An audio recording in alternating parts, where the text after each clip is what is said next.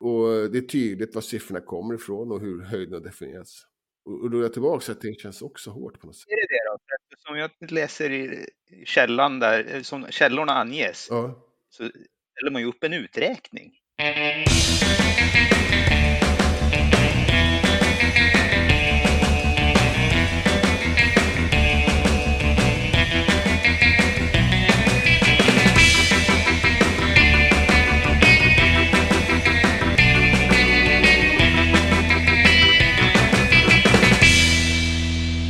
Och välkomna till Wikipedia-podden, din Lucia som bär ljuset till nyheterna om världens största uppslagsverk. Jag heter Jan Ainali. och jag heter Magnus Olsson. Jag har skrivit på Wikipedia sedan 2009.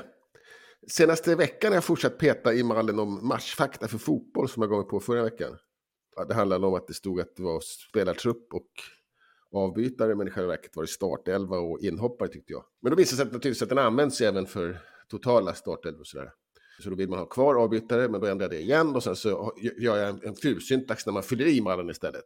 Så funkar det då, men eh, det kanske inte är så snyggt.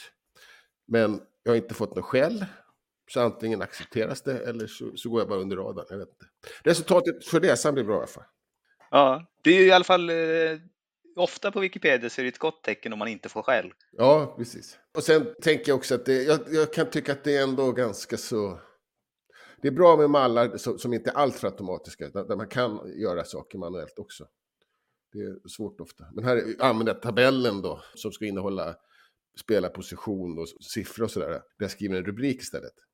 Men då blir den så bred, om jag har en hel rubrik, för att spelarposition är bara två bokstäver. Så då har jag delat upp den på flera fält. Det är det som är ful grejen. Mm. Och så måste jag se till så att det är rätt. För det kanske ser förfärligt ut i vissa mobiltelefoner eller någonting. Jag har ingen aning. Men som sagt, som du sa, ingen har skällt och, och då är det bra då. Jag har till och med fått något tack och sådär. Så då tror vi på det, tänker jag. Själv då? Jag har försökt att träffa och skapa det hundra miljonte objektet på Wikidata. Jag vet inte om jag faktiskt lyckades, men Okej. eh, jag var i närheten i alla fall. Men, ja, ja. Men är, är, brukar det vara en Vi fight? passerade igår. Ja. Är det en fight som brukar märkas? Ja, det, ja, det, normalt sett så brukar det märkas, men tyvärr, eller tyvärr, eller tur för mig kanske, så, är det ju lite krångligare att räkna på Wikidata eftersom vi passerade ju vad som kallades 100 miljoner innehållssidor lite det. tidigare i höstas. Och man räknar ihop både de vanliga objekten, lexemen och egenskaperna och eh, det som kallas för entity schemas. Och det var, var det QP och... Liksom. Ja, precis. Q, P, L och E. Ja, Men nu var det bara Q då som passerade 100 miljoner. Och eftersom man måste slå det i databasen så tror jag att det flög under radarn för ganska många som inte satt och petade och tittade på den hela tiden. ja men spännande. Vi får se hur det går då. Eh, har du prickat någon sån där milstolpe? Nej, Nej. det har jag inte gjort. Nej, okej. Jag tror det, det närmaste till en milstolpe jag har träffat är 333 333 i artikeln på svenskspråkiga Wikipedia. Okej. Men det är ju en udda fågel. Då tävlar du nog verkligen dig själv. Ja, precis. Om man hittar på sin egen gräns då, då vinner man. Ja, ja. Men alla gränser är väl påhittade då? Jo, men Wikidata är svårt för att det skapas så många objekt hela tiden där. Så Ja, att det, även när man vet att nu kommer det snart så trillar det in några bara av farten i alla fall. Ja, precis. Jag kan tänka mig det.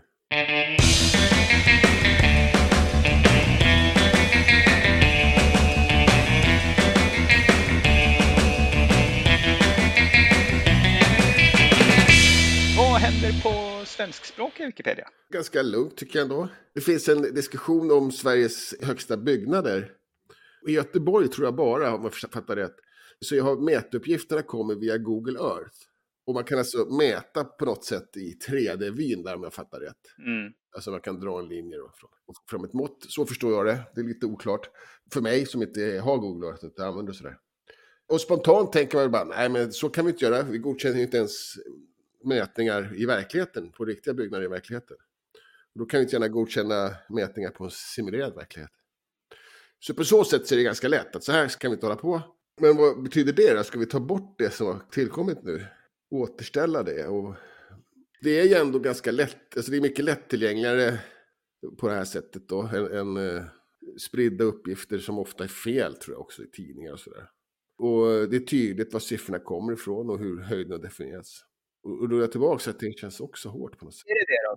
Som jag läser i källan där, som källorna anges, Ja, så ställer man ju upp en uträkning.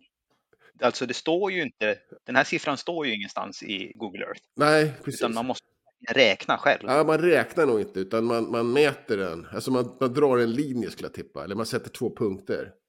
Och så säger man, vad får du för mått här emellan? Och sen så finns det ju ett fel då i Google Earth. Det finns en, en noggrannhet. Ja, Användaren skriver här att han skriver källorna som att earth.google.com byggnadstopp 82 meter över havet, markhöjd 7 meter över havet. Och det är liksom källan att den är 75 meter. Ja, Så man måste ju räkna ja, 82 minus 7. ja, ja okej. Det blir ju verkligen, alltså det är ju ingen svår aritmetik, Nej. men det är ju, det är ju Fa- Fast en, så, Käll- en sån... källan 75, en s- 75 står ju inte i Google Earth någonstans. Nej, utan man mäter fram det. Men, men jag tycker att en sån beräkning tycker jag är okej. Alltså även på tabelldata. Att man räknar hur många mål har Messi gjort. Genom att summera en, en tabell. Det tycker inte jag är egen forskning. Ah, det är på gränsen. Ja, ja det, det där är lite på gränsen ibland. Det här egentligen ser det här förbi alla gränser, så är det ju.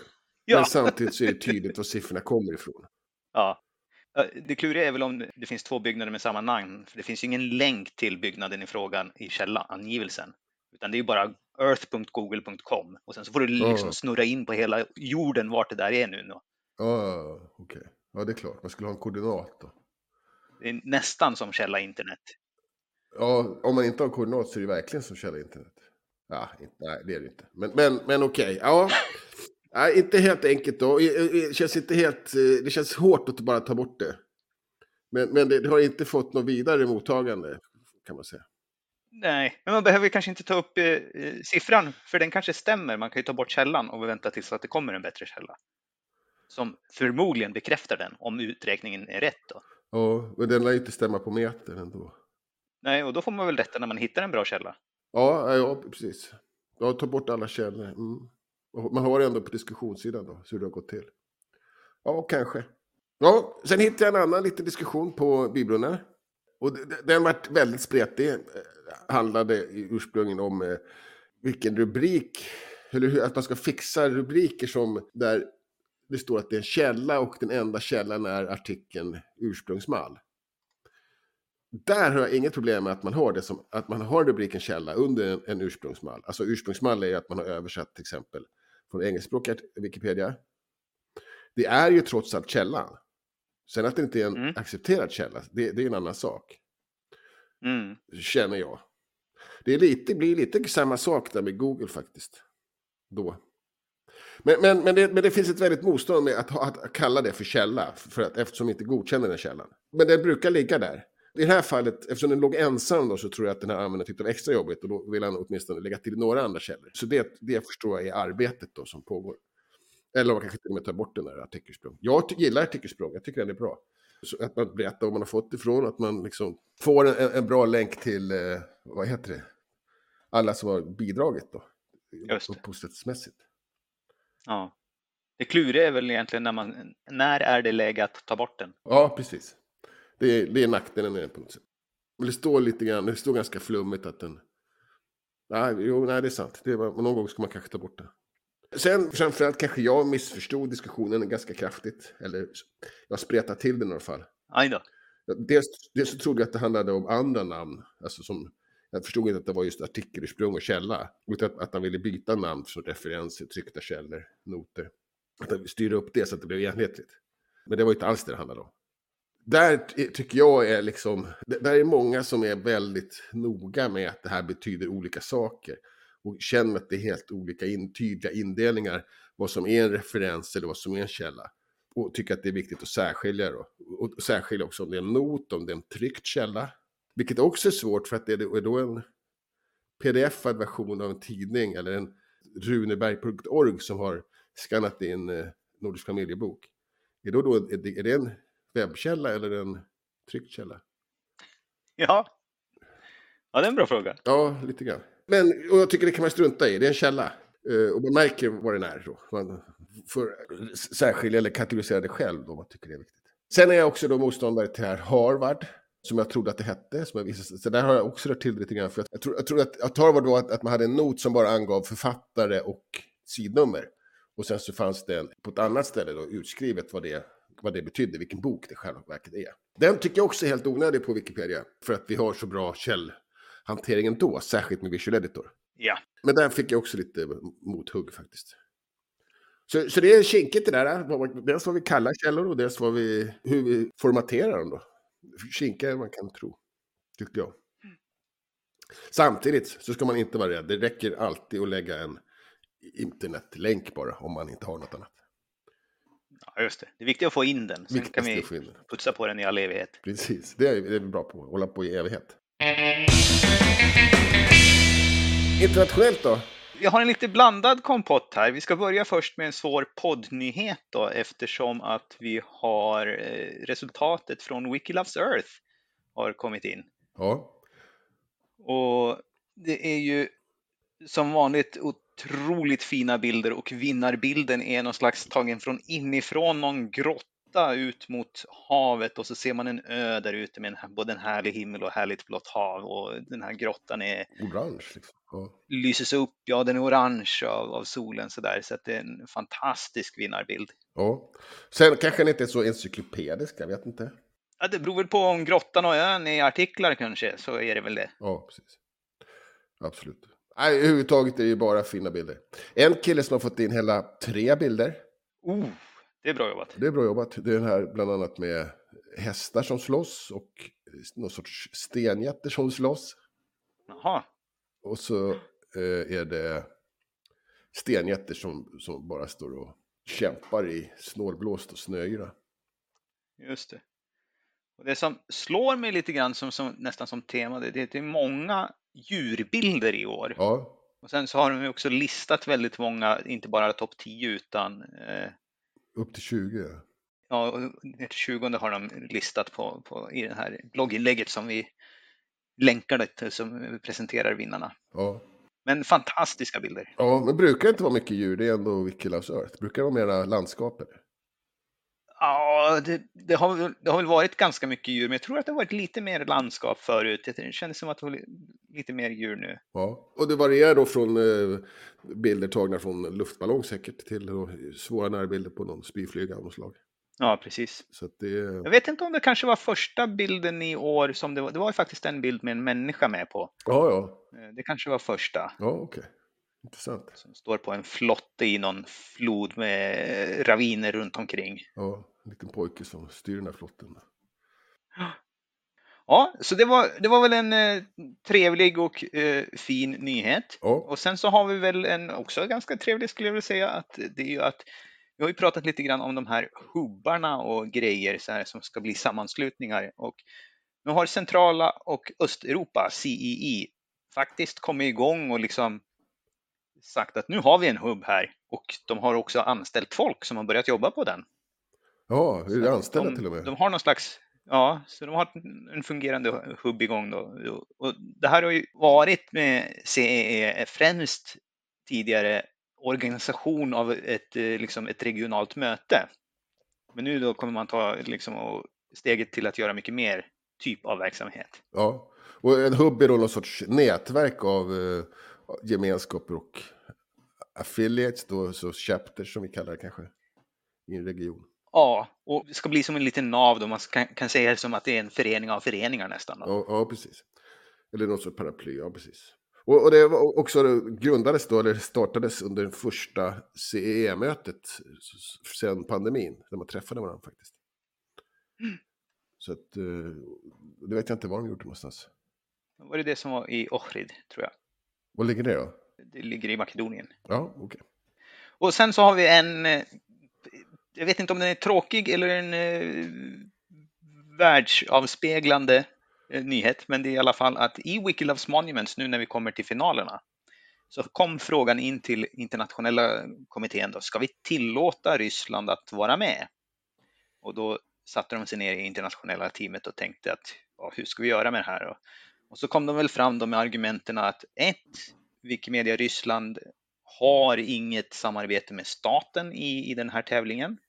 Och för det andra så har de faktiskt inga monument som har, för de har inte eh, freedom of panorama, de har ingen panoramafrihet i Ryssland så att objekt som har liksom sentida objekt som glorifierar krig finns inte riktigt med i, i tävlingen. Okay. Så med de två anledningarna så tyckte man att ja, men de kan få skicka med sina bilder då.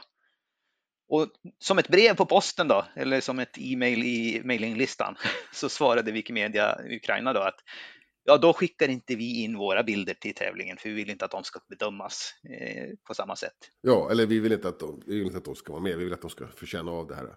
Antar jag också att det ja. ja. Nu vet jag inte, ja. är, är inte de lite grundare av VLM Ukraina eller är det något annat?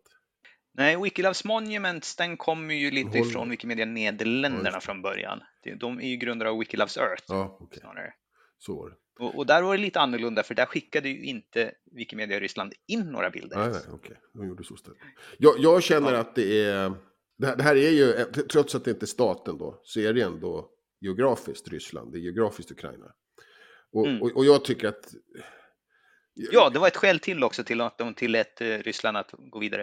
Det var för att Wikimedia Ryssland hade sagt att bilder som är tagna i de annekterade områdena får inte delta i tävlingen. Nej, okay. Så VMRU tyckte då att eh, det, det är liksom det gamla Ryssland som gäller. Oh.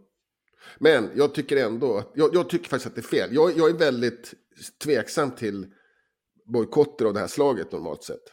Alltså, jag tycker att bojkotter ska ske på andra nivåer först. Och i det här fallet så finns det bojkotter på andra nivåer först. Och då tycker jag att det är läge för, för organisationer som Wikimedia Foundation och Fifa och så vidare att, att, att hänga med på det. Liksom. Eller, eller Svenska fotbollsförbundet kanske snarare då.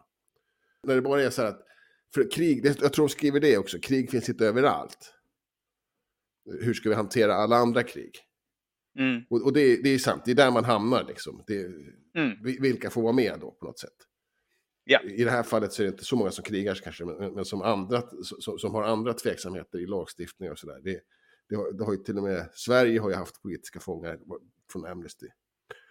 Därför tycker jag att så fort ekonomin går in, när de gör någonting, då är det på riktigt på något sätt. För de är de som är, de, de är segast. Mm. De är svårast att, att, klaga på, det är ingen som tjafsar med ekonomin nästan. Och när de väl liksom drar i bromsen och säger att nej, det här ställer vi inte upp på. Då tycker jag att ideella organisationer ska göra också. Annars tycker jag att man ska kunna försöka använda ideella organisationer och fotboll eller idrott då. Att mötas på, på ett uh, inofficiellt sätt liksom. Att det finns mm. en poäng i det. Att, en poäng att visa att så här. Det blev ju en lång diskussion på mailinglistan också. Där kom ett till argument upp då som var kanske lite mer pragmatiskt då, att ja, om någon i Ryssland vinner så kan vi nog inte skicka några priser dit för att då, då, det får vi inte. Så är det någon vits med att låta dem vara med. Jaha, hoppsan. Ja, det blir konstigt med. Ja. Ja, nej, jag, tyck, jag tycker som sagt då att de skulle ha bojkottat Ryssland där. Det, det, tyckte jag var synd. Jag tyckte att det var lite feltänkt helt enkelt. I just det här fallet. Annars är jag som sagt väldigt tveksam till att hålla på med sånt. Ja, mjukvarusidan. Ja, vi har en mycket, mycket liten mycket liten nyhet. Ja. Och det är att man ska nu sluta upp och tillåta är lika med tecknet i användarnamn. Ja. Att det ställer till med vissa problem i mallar framför allt. Ja, De som redan har det som användarnamn kommer inte att påverkas, men nya kommer att hindras. Ja, okej, okay. men det kanske är än så länge, eller? för det står här någonstans att ja, det, det kommer att bli svårt att, att, att ta, ta bort alla namn. För att det, det, det finns till exempel användare som gjort 40 000 redigeringar. Och det, och det blir att få bli av med honom utan fight som det står. Det vet jag inte. Men det spelar liksom ingen roll för de blir ändå inte påverkade. Nej, men de påverkar ju syntaxen kanske. De påverkar ju programvaran. Ja, kanske. De har inte gjort så mycket hittills. Hur som helst så gör de ingenting åt dem. Nej. Och de har inte gjort jättemycket hittills ändå. Så, att, så farligt kan det inte vara kanske.